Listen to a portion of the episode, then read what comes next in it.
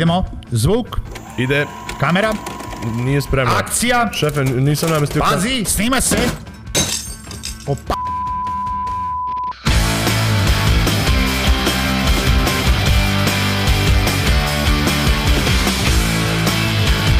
dobrodošli u novu epizodu podcasta o audio i video produkciji Azi snima se. U ovom podcastu vodimo vas iza kulisa gde ćete čuti interesantne priče nastale tokom rada na našim projektima.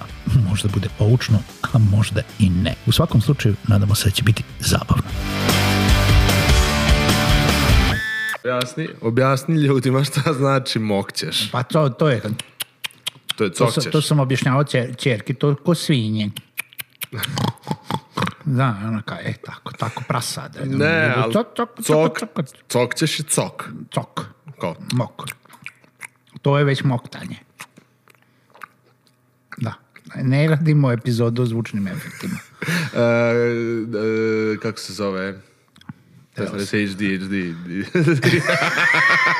H1N1. PUBG, ne. Uh, Kako se zove to jebo? Šta? Moktanje? Ne, nego kad... Eh, A, ASMR. Ne, ASMR je. ASMR je više ovo. Ali možeš i... ASMR, kada te hoćeš ovako da pričaš i da kažeš... Nino! E, vidiš kako si odskočio. Je, yeah, bote život. Um, Pa zdravo Nino. Pa zdravo Željko. Pa sretna nova godina. A srećan Božić. A, pa sret, sretno sretenje uskoro. Mm, Hristo se rodi. Va istinu, brate. Vaskrsa. Vas, nije, brate, uskoro. to, nije to, nije taj deo sad još. To sve ćete, praznike da izvedemo. To ćete, I to sve radi sva, svake godine to radi. Da, sad su ovi zimski praznici, ali pojente da smo se mi vratili posle praznika, posle. ponovo jači nego ikad Možda. Recimo. Pet I sekundi smo bili jači Kako nego si proveo zimski raspust? Pa proveo sam ga u veselju. U veselju? Kao i svi mali ovaj, san, ovaj, Deda Mrazovi pomoćnici. Tako je, pravio sam igračke za dobru decu širom sveta. Pa, e, to je to, to je to. E, nego, o čemu mi pričamo u ovoj epizodi Pazi snima se, pošto ovo kao slušaju ozbiljni ljudi. Da, pa danas pričamo baš o jednoj zapravo, da kažemo, prazničnoj atmosferi. Prazničnoj atmosferi? Tako je, tako znači, je, ovo je praznična epizoda. Zezno si me ovo što stoji ispred e, mene. Surprise, to nije to, surprise. To. A, surprise, surprise, motherfucker. How the turntable tables have da, turned. Da, dobro, ajde. To je ple, pleonazam. Mm, mm, jeste. Uh, pa jeste praznik zato što danas pričamo o jednom nevratnom prazniku, a to je rad sa voiceover umetnicima. Zašto bi to bio praznik? To je praznik. Ja jer nisam, jer se dešava... ja nisam to doživao kao praznik. Zašto? Pa imao sam svakakve iskustva što se to tiče. Ko Ali... su uopšte voiceover umetnici? Ko? E, to je e, dobro e, pitanje. E, e, misliš, i ne mislim Odnosno... na Peru Žiku, nego Da kao, kako su, oni, kako su oni školovani? Ne, nego šta su, šta, šta, je, šta, šta je zapravo voice-over artist, artista? Ima nešto to na, ovaj, kao na srpskom, da nije voice-over, nego nego... Glasovni... Na, narator. Je li to narator? Nije, zašto je to samo može da jedan bude, vid. Može da, da, bude, dobro. On, to je previše usko. Da. Glasovni glumac. Glumac, da. E sad onda kad kažemo glumac, to odmah nekako podsjeća na, na glumce glumce, koje Jeste. znamo sa da. filmova da. iz pozorišta, s televizije, ali mi, koliko ja znam, nek me neko ispravi preko maila, nemamo zvaničnu školu za glasovnu glumu. Znači, ne postoji institucija koja škola ljude da se isključuje time bave. E, što je najgore, zapravo čak ni ovi glumci, kad kažemo glumci, filmski, televizijski, pozorišni, oni isto nemaju toliko dodira da sa glasovnom glumom tokom školovanja. Tako da kod nas glasovni glumac nije profesija, nego neko ko je odlučio time da se bavi. Jebi ga, freelancer. Tako je, ono. da, znači neko ko je samouk, ono, i odlučio mm da to razvija posebno i... Dobro, ali kod nas imaš ono tipa časove dikcije, govora, um, kako, da, jel, kako da se bolje izražavaš, ka, yes, kako da, da držiš telo kada se izražavaš, jer nije sve jedno kako držiš telo. Ili kako dišeš. Kako dišeš, kako da naglašavaš određene slogove u rečenici. Ali sve to usmereno, barem u ovim školama, ka scenskom govoru. Znači mm. govor na sceni, a ovo je mnogo, mnogo, mnogo drugačije. E vidiš, zato ja nisam imao dobro iskustvo sa, sa glasovnim glumcima, iako zapravo, u stvari, ne, pitao si me pre nego što smo počeli da li sam ikada snimao ono tipa uživo jedan na jedan da ja budem u studiju sa nekim uh, i e, to se desilo samo jednom pošto uglavnom voiceover kada snimamo pošaljemo nekom iskusnom voiceoveru uh, to jest glumcu, glasovnom, naratoru i onda on to uradi. A zapravo ovo što smo pokušali u, u, u studiju je bilo sa, sa pozorišnim glumcem I, I to nije bilo dobro. Mislim, nije bilo dobro zato što čovjek nije nikada radio na radio, nego je radio samo u pozorištu i uz dužno poštovanje da je to sve bilo spektakularno i da je ovaj, to jedna uspešna karijera. Pozorišna gluma je mnogo drugačija od glasovne glume, zavisnosti opet za šta. Jer mislim da su više ovi radio naratori podobni za, za uh, za glasovnu glumu, zato što oni, oni tako... Opet, opet je pitanje šta nam tačno treba. Pa jeste, ali dobro si počeo sa radio naratorima, baš sam htio da kažem da možda kod nas se često dešava da ljudi koji rade na radiju i pokažu se da imaju ono, dobar glas, vremenom uz neku vežbu i tehniku, uvežbavanje mm. tehnike, ostanu u stvari glasovni glumci kod nas koji često rade sinhronizacije, što za televiziju, što za bioskop filmova, ovo ono, pa onda rade i u ovom vremenu freelansa, se bave i voiceoverom. Ja moram da priznam da su ono tipa, sad ako gledamo neke ono hollywoodske produkcije, ono tipa, pa onda sinhronizacije kod nas, uh, oni pravi filmski glumci bili podobni i jel da nekako se mogli, mogli su se bolje uživeti u način govora uh, u toj sinhronizaciji nego kad bi to bila pozorišna gluma. Ja mislim da to je zato što je pozorišna gluma ima svoj neki specifični nastup, ono, scensku naraciju koja, koja zahteva da ti grlato se obratiš celoj publici, ono, tipa da, da glumiš glasom uh, ali je to uvek nekako prenaglašena gluma, malo kao i što pozorišna gluma jeste prenaglašena gluma po, po nekom onako slobodnom pa, shvatanju. Mislim da je razlika u tome prosto kako te publika doživljava, odnosno kakav je medij u pitanju. Pozorište je medij gde si ti uvek tu celim telom. Ti si tu na sceni kao glumac od glave do pete konstantno igraš celim telom i glas ti je takav da bude prilagođen prostoru da treba da te čuje 300, 500, hiljada ljudi u zavisnosti od veličine sale u kojoj si, iako je ona dobro ozvučena, odnosno akustika je dobra i dalje mora da bude to što ti kažeš prenaglašeno. Onda imaš jedan stepen niže koja je filmska gluma, koja si ti tu najčešće nisi celim telom. Filmski glumac redko kad igra celim telom, on je ono do pojasa u kadru, do vrata, ovako krupan kadar i tako dalje. I onda samim tim manje mora da se kreće, manje energije potrebno, manje glasovno je potrebna neka subtilnost. I onda konačno imaš glas, glasovne glumce kada je to u pitanju neki animirani film ili, ili voiceover ili naracija ili bilo šta, kada glumac isključivo mora da postigne to što ovi, ova prethodna dva glumca postižu delom ili celim telom, mora postigne samo glasom. Mm. Da stvori čitav lik u stvari koristeći se isključivo glasom. I onda je pitanje šta zapravo snimamo. Da li je to što snimamo potrebno da glumimo ili je potrebno da, ne znam, snimamo naraciju za e-knjigu, jel da, elektronsku knjigu gde ćemo zapravo biti samo narator nečega ili, ili treba da snimamo poslovnu reklamu ili treba da snimamo uh, bilo kakav explainer video koji opet treba da bude neki normalan govor, edukativni, uh, koji, koji će zainteresovati nekoga i onda mu dati neku poentu.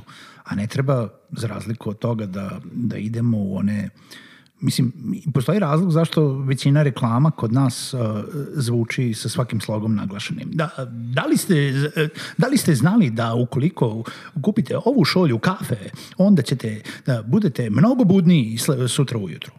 Da, da, da, da.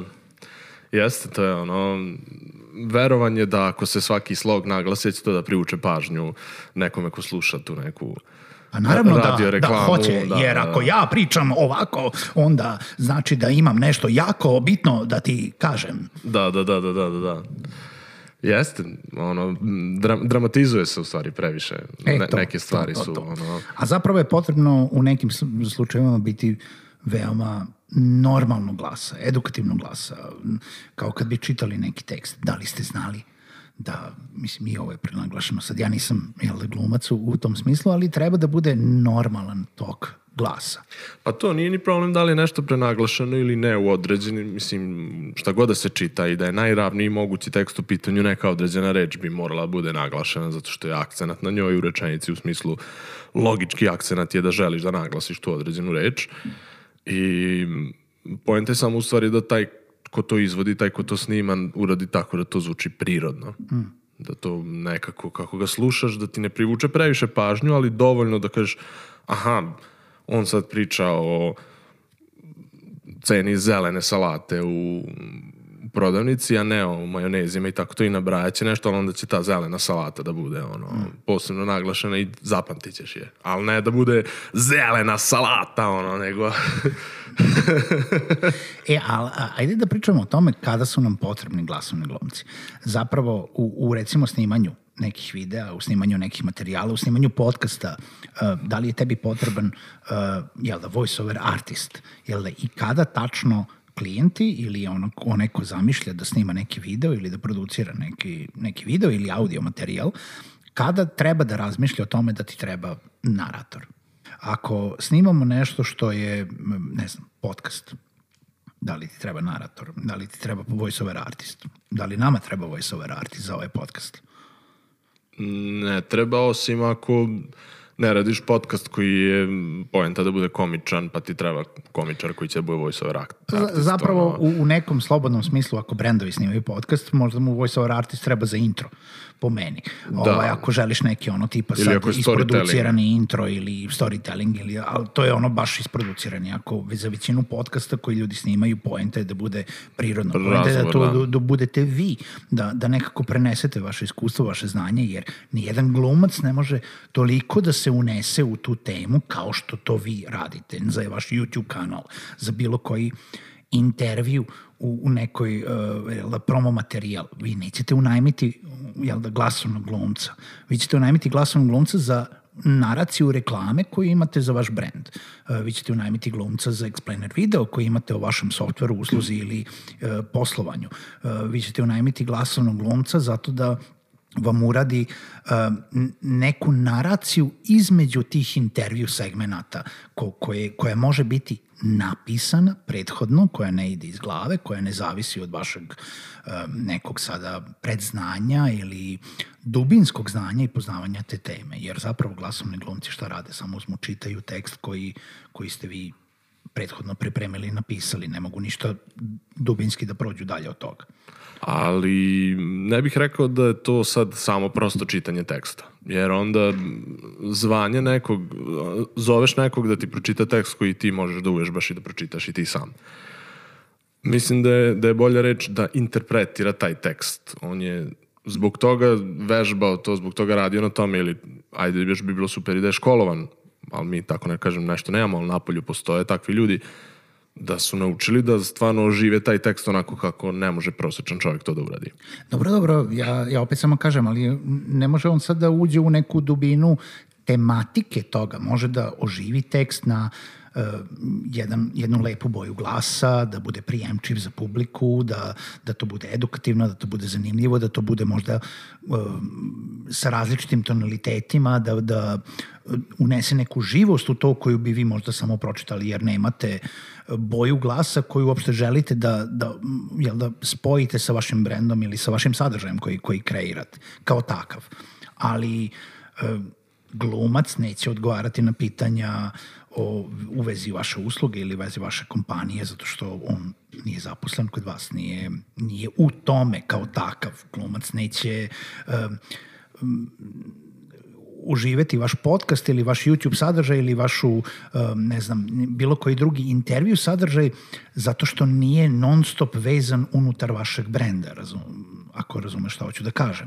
Znači, kada pričamo o nečemu, jel da, o kreiranju sadržaja kojim se mi bavimo kroz Solutiju, Pričamo o tome da se glumci ili naratori vezuju za eh, nešto što treba, što može da bude pripremljeni sadržaj bez nekog eh, lutanja dalje od tog pripremljenog sadržaja. Način na koji će oni da ožive taj sadržaj je nešto totalno drugo, zato najmlješ glumca. Tako je, ali zato je važno da kad s njim radiš, e, ukoliko je to njemu potrebno, opet sve zavisi od samog sadržaja. Ajde da kažemo da, da pričamo o nekom, nekoj saradnji gde je to neki glumac koji to zaista želi maksimalno profesionalno da uradi, njemu je potrebna informacija, e, ne sam tekst koji on dobije na papiru, nego šta taj te, neka pozadina tog teksta, šta on predstavlja, zašto. To su sve pitanja koje on sebi postavlja prilikom rada na tom tekstu, koja mu pomažu u stvari da dođe do toga kako taj glas treba da zvuči. Kada pričamo o nekom glumcu koji može da promeni zaista deset različitih glasova – Ali on neće doći i reći e, ja imam sad ovih deset različitih glasova kao neku ono izlog lepeza kao evo ti ovih deset glasova da čuješ pa ti izaberi jedan nego mm, ako radite zaista neku ozbiljniju produkciju neke reklame vas dvo, mislim vas dvoje ili koliko god da vas sarađuje ajde da zamislimo si ulozi reditelja ako nemaš reditelja kog posebno plaćaš ti moraš sa njim da vidiš u stvari šta je vama cilj da postignete kako to treba da zvuči a da ne bude još jedna tipična radio reklama koja zvuči onako kako smo već pričali da zvuče, ono, da skoro sve zvuče isto. Iako želiš da izbegneš tako nešto, ili radiš čak možda neki kontent koji nije... I onda se vraćamo na to da zašto sve reklame zvuče isto, zato što ljudi uglavnom napišu reklame i kažu aj snimi ovo. I tako i je. bez nekog... E, da, o da tome pričam. Nije ostalo, jeste, ali zapravo većina projekata upada u taj koš veoma redko ćete vi imati budžet i ne znam nija kako i samo tematiku videa ili audija koji vi pravite sada kao da ste napravili ovaj hollywoodski, hollywoodsku atrakciju. E, baš smo o tome došli da pričamo. Da kako bez budžeta da postignete to. Ti nemaš da platiš reditelja, imaš isključivo da platiš čoveka koji, ajde da kažemo, glasovni glumac, tvoj voice talent, kako ti njemu da pristupiš? to što si rekao, da li je dobar način da se pristupi ako si ti sad klijent ili si neko ko radi, a nisi ti, ti kao Željko, nego neko ko sad osluša i hoće da radi sa nekim voiceoverom nešto, da li je dobar način da mu daš taj tekst i kaže, evo ti pročitaj. Ili još gora stvar koju možda uradiš, da ti uzmeš i pred njim čitaš taj tekst kao, e, aj molim te, pročitaj me ovu rečenicu ovako i uzmeš i onda je odradiš, tako kako misliš da treba da zvuči i onda kako to možda izgleda iz ugla glumca, koji je došao tu da radi, da, što se kaže, iskoristi svoje ono, sposobnosti, talenat, vreme, trud i rad, on će bude u fazonu, čekaj, što, koji si me kurac zvao da, da ti ja čitam ovo, da ti ja ono, Dobro, sad je velika, ovo. velika razlika u tomu, ja ću sad samo tu da ti upadnem, da uh, zavisi ko unajmljuje tog glumca. Znači, ako je to neka produkcijska kuća, mislim, recimo, ako, smo, ako mi radimo projekat za klijenta i mi srađujemo sa glumcem, onda mi možemo da mu damo instrukcije i, uh, i da ga ohrabrujemo na pravi način i da mu predstavimo tu neku pozadinu stvari. Ako to radi direktno klijent, ako klijent uh, radi neku svoju produkciju, on dovodi nekog svog uh, glasovnog glumca ili mu se sviđa neki glumac koji želi, koji želi da predstavi uh, njegov projekat, a sam klijent nije u branši video ili audio produkcije. Uh, veoma je bitno po meni da shvati, zavisnosti od toga naravno koga unajmljuje, da ta osoba dolazi sa velikim iskustvom. I da je ta osoba prava osoba za to da, da uh, ne dobije tako tekst kao što, ti, kao što si sad rekao, evo ti samo pročitaj, nego evo tekst, evo šta želimo da postignemo, što ti kažeš neka pozadina i treba nam tvoj input kako bi to bilo najbolje da se uradi.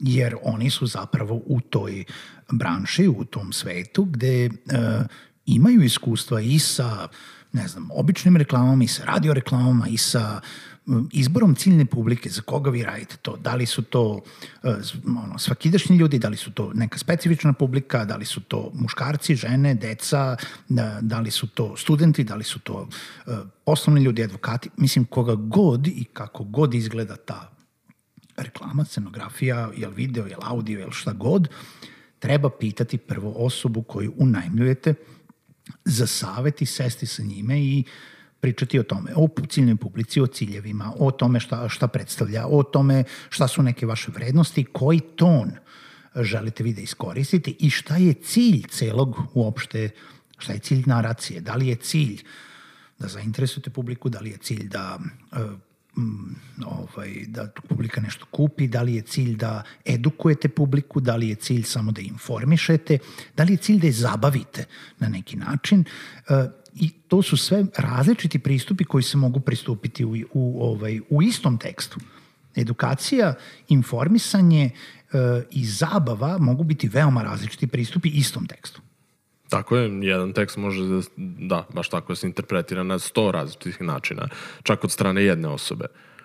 A kamoli ako imaš više, ovaj, da kažem, glumaca u, u izboru, uh, Mislim da, mislim da sam prosto greška nastaje, barem iz onih iskustava koje, koje sam ja imao, nažalost, da se ne da dovoljno vremena tako nečemu, zato što ljudi to, opet eto, vraćamo se na, na početak, da tretiraju to kao neko, ajde kažemo, obično čitanje teksta i samo prosto misle da ne, ja nisam taj koji ja to baš mogu toliko dobro pročitam, ali ti si ono što se kaže, lagano ide ti to od ruke, sedi to pročitaj za sat vremena, lupam i to je to gotovo, ono, idemo kući i ne daju dovoljno vremena u stvari, ajde da kažemo glumcu ili, ili voice artistu da se uopšte upozna sa tim tekstom. To on, znaš, on ga, na, nažalost sam baš imao prilike da vidim, dobije tekst na licu mesta, prvi put ga u životu vidi, očekuje se od njega da ga on iz trećeg, četvrtog puta pročita nekako, kako god, mm, kažem, najčešće bude ružno to što isufliraju, u stvari glumcima uzmu taj tekst i kao, pa pročitaj ovako, uzme i pročita tekst. I onda, um, izgubi se u stvari poenta angažovanja takve osobe uopšte.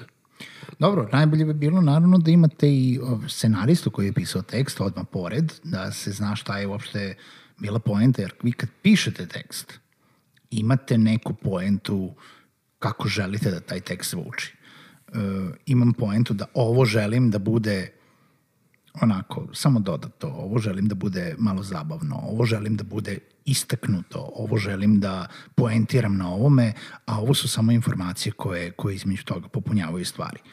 I naravno da vi to morate sve da znate, to jest osoba koja komunicira i opet vraćamo se na celu produkciju, ne samo voice-overa, zato je bitno da uh, jer čak i da radite sve sami, da radite sve sami sa pojedinačnim, eh, ne znam, ako, ako radimo animaciju, pa imamo scenaristu, pa imamo voiceovera, pa imamo ilustratora, pa imamo storyboard artista, pa imamo animatora. Ako radimo produkciju, imamo snimatelje, imamo glumce, imamo uh, opet scenariste, voiceovere, ako treba imamo one koji rade uh, kadar, one, direktora fotografije, osvetljenje, šta god to bilo, da li je to jedna osoba, tri osobe, pet ili 25 osoba, uh, bitno je da ih jedna osoba, da, da, da to nije ono kao, e, danas ćemo da radimo scenaristu i onda smo scenaristu platili, i ono tipa ostavili negde u nekom ćošku i onda smo mi dobili ovaj scenarij i onda mi idemo kod te druge osobe pa da radimo sa njime.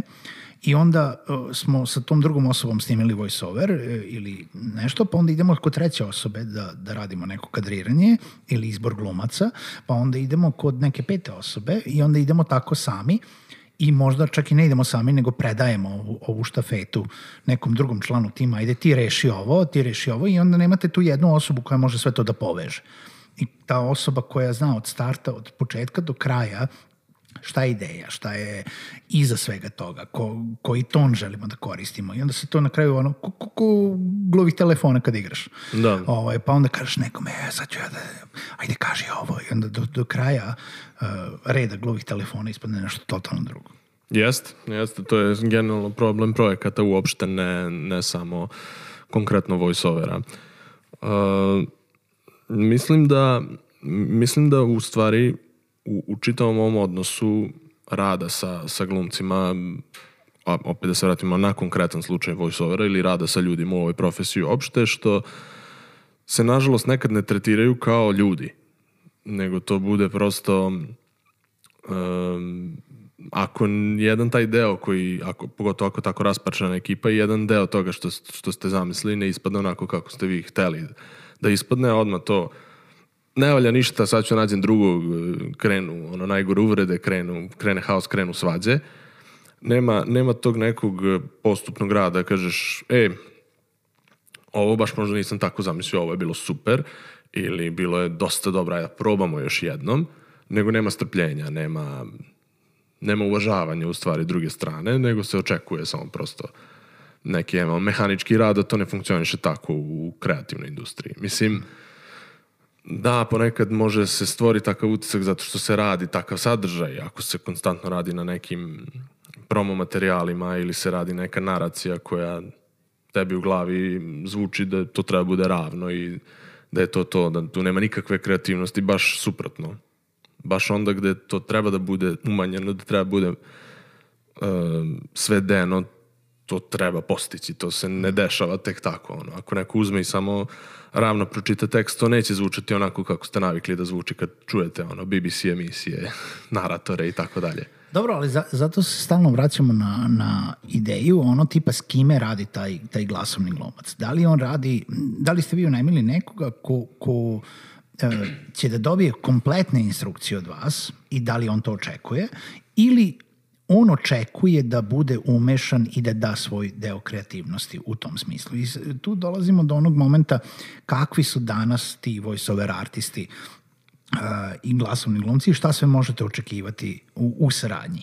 Imate situacija kada vi birate neko možda veće ime u glumačkom svetu i uh, treba, očekuje se da ga vi dovedete u studio i da mu date kompletne instrukcije kako želite on to da uradi. Naravno, on donosi svoju ekspertizu i glas i različite načine tonalitete i boje glasa koje on može da iskoristi i možete u nekoj saradnji da radite na tome, ali je zapravo na vama. On je, on je artist, on je glas, on, on, on radi kompletnu produkciju u studio, audio obradu, jel da je neki dodatni tim, to nije jedan voiceover artist. danas uh, ima mnogo voiceover artista zato što mnogo sadržaja se proizvodi u svetu generalno, ne samo kod nas, ali i kod nas koji jednostavno nude kompletnu tu audio produkciju gde vi e, zapravo se očekuje da ste vi ili klijent ili kao agencija dali uh, jel da, svoje instrukcije, svoj scenarij o tom nekom artistu, on to rešava. Ima neki kućni studio, ima neki studio, ima poslovni studio, koji, koji god.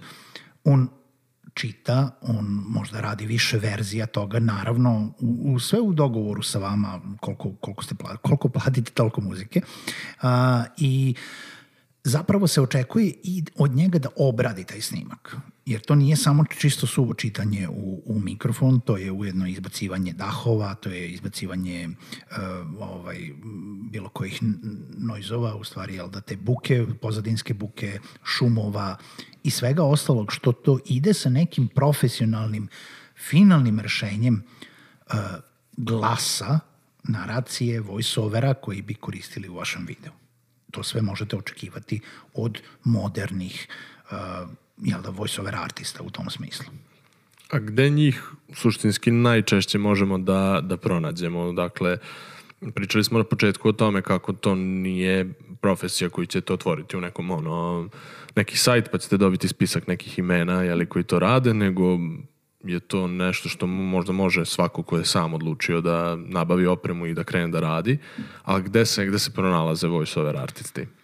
E, pa ako pričamo o svetskom nekom pronalaženju e, različitih e, jezika i svega, postoji gomila sajtova koji okupljaju, kao što neki sajtovi okupljaju freelancere, jel, kao što su to Upwork, kao što su to Fiverr, kao što su to bilo koji drugi ti freelancer sajtovi, ima ih tu, jel da naravno, takođe postoji i specializovani sajtovi za baš voiceover artiste. Mi ćemo linkovati neke od njih u opisu ovaj, ove epizode, gde se oni mogu pronaći. Za naše uslove to je nešto komplikovanije, zato što nema puno naših uh, voiceover artista, niti puno naših voiceover artista uh, se pojavljuju na tim sajtovima zato što uh, ukoliko ne rade na engleskom ili nešto, jako malo je potrebe za srpskim voiceover artistima na tim sajtovima na, na tim sajtovima, ne kažem da je malo potrebe generalno, nego jednostavno malo bi posla dobili preko tih sajtova. Ono gde se najčešće nalaze kod nas uh, voiceover artisti, jel da domaći, jesu preko nekih agencija, preko nekih uh, već ustaljenih, uh, da li su to uh, E, profesionalci sa radija, da li su to profesionalni glomci, da li su to priučeni glomci koji su se nekako ili zajednički udružili ili su preko radija ćete doći do njih ili preko nekih drugih uh, produkcijskih kuća kao što i, i mi imamo neke naše kontakte koje ovaj smo godinama skupljali u tom smislu sa domaćim uh, voiceover uh, voiceover zajednicom, jel da, koji imaju svoje kontakte opet, pa mi, mi sarađujemo sa grupom ljudi koja ima neke svoje dalje kontakte i koja dalje sve rešava u, jel da, u tom um, um, jel da, samo voiceover svetu. Naravno, kao epilog i završnicu ove epizode, veoma bitnu razliku treba da napravimo u tome uh, o kakvim glasovnim glumcima pričamo i šta kome treba, znači od klijenata i produkcijskih kuća. Da li vam treba uh, veliki glas, veliko poznato ime koji može da iznese, ne znam, sinhronizaciju, ne znam, Disneyevog crtanog filma ili vam treba glas za promo video da li vam treba glas za, za radio ovaj, reklamu, da li vam treba glas za intro na vašem podcastu ili vam treba neko ko, ko zna da glumi unutar glasa eh, sat i po vremena i da se unese u to. To nisu ista ni grupa voiceover artista, nisu ista klasa, nisu iste cene, mislim ne kažem da ne rade i jedni i drugi mogu da šaraju naravno, jer i glumci su ljudi i sad, osim ako ne pričamo izuzetno uspešnim glumcima koji kažu pa ja sad ne moram ovo da radim, jer ja ne moram sad više da radim neke stvari, pa sad biram da radim, ali zapravo mogu da radim i ovo i ovo i znam da radim i za nekoga ću raditi ovo, za nekoga ću raditi ono Da, da, čak i veliki glumci će nekad za prijatelje da u stvari Apsolutno. urade ili ako im se ponudi ma, mala produkcija koja onako vidi se da je to neki, kako da kažem, iz, za dobrobit nečega, ajde kao neka recimo naučna emisija za decu, onda će možda neki veliki glumac da pristane zato što želi da, Tako je. da da glas za naučnu emisiju za decu. Ali svodi se na to, pogotovo, mislim, verujem da ćemo imati još prilike da pričamo o radu sa glumcima, uh, ne sad nužno samo voice, voice, voice over glasovni glumci, nego glumci inače, ali u ovom segmentu posla svodi se na to da prosto zavise neke stvari od osobe do osobe. Recimo jedno jako interesantno iskustvo koje može da mm, dosta utiče u stvari na sam projekat jeste što su glumci samosvesna bića jako i imaju, mislim da bi recimo treba, trebalo izbjegavati kada se nešto snima sa nekim ko je ono sad već uhodan i profesionalac, uh, da mu se reprodukuje dok se to ne snimi, da mu se to konstantno reprodukuje. Aj, daj da čujem malo kako to zvuči, daj da čujem, jer su ogromne šanse da čak i kad ste vi zadovoljni time što ste snimili, da on neće biti zadovoljan. Pa će biti, aj daj još jedno, mogu ja to bolje, daj još tri puta, daj još pet puta i onda se čak u jednom trenutku možda i gubi vreme zato što se ponavlja nešto čime ste vi zadovoljni ili čime će klijent biti zadovoljan ili kako god. Tako da, ono, kažem, to opet zavisi uh, od osobe do osobe, samo prosto mm, to se stiče prosto iskustvom i radom sa, sa, sa ljudima i mm, ne znam sad kad da li će ovo pogrešno zvuči, ali su glumci dosta specifični i zahtevni za rad, zato što su na kraju krajeva uh, umetnici, ono, mislim. To zvuči ako... se da kako kad ti snimaš podcast, hoćeš ponovo da snimaš, ponovo da snimaš, malo, malo pisuješ sebi, imaš malo glumačku notu, ono, tipa u sebi, pa ono, kao, um, pa malo. Ja sam malo. bio glumac, da. da, da. u nekom drugom životu.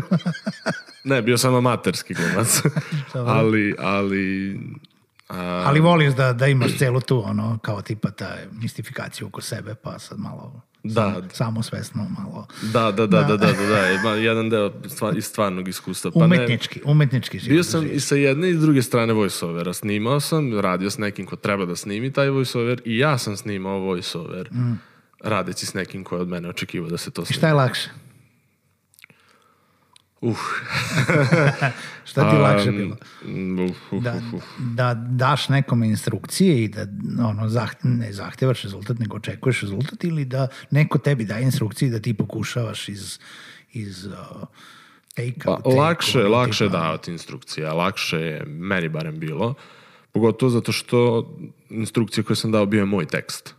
I onda nekako znam to što ti kažeš, napisao sam ga, znam kako želim da zvuči, samo prosto malo korigujem to što e, taj neko snima. A ovako kad sam ja snimao, baš je bilo onako mm, zajebano je. zajebano je zato što snimaš, kreneš da snimaš i shvatiš koliko ti se stvari ne sviđa u tome kako ti to radiš, kako, koliko čuješ neke stvari, zvukova raznoraznih, kako nisi uvežbo tehniku, ono, čuješ disanje, pljuvačku, gutanje, čuješ kako nekako neprirodno neke stvari zvuče i jako je jako teško postići u stvari. Znači ti si njena perfekcionista. Za te stvari, da, rekao bih da, da ja sam. Da, da, dobro. Vidjet ćemo kako će ovaj podcast da ispadne u audio formi, a dotle slušamo se u narednoj epizodi. Slušamo se.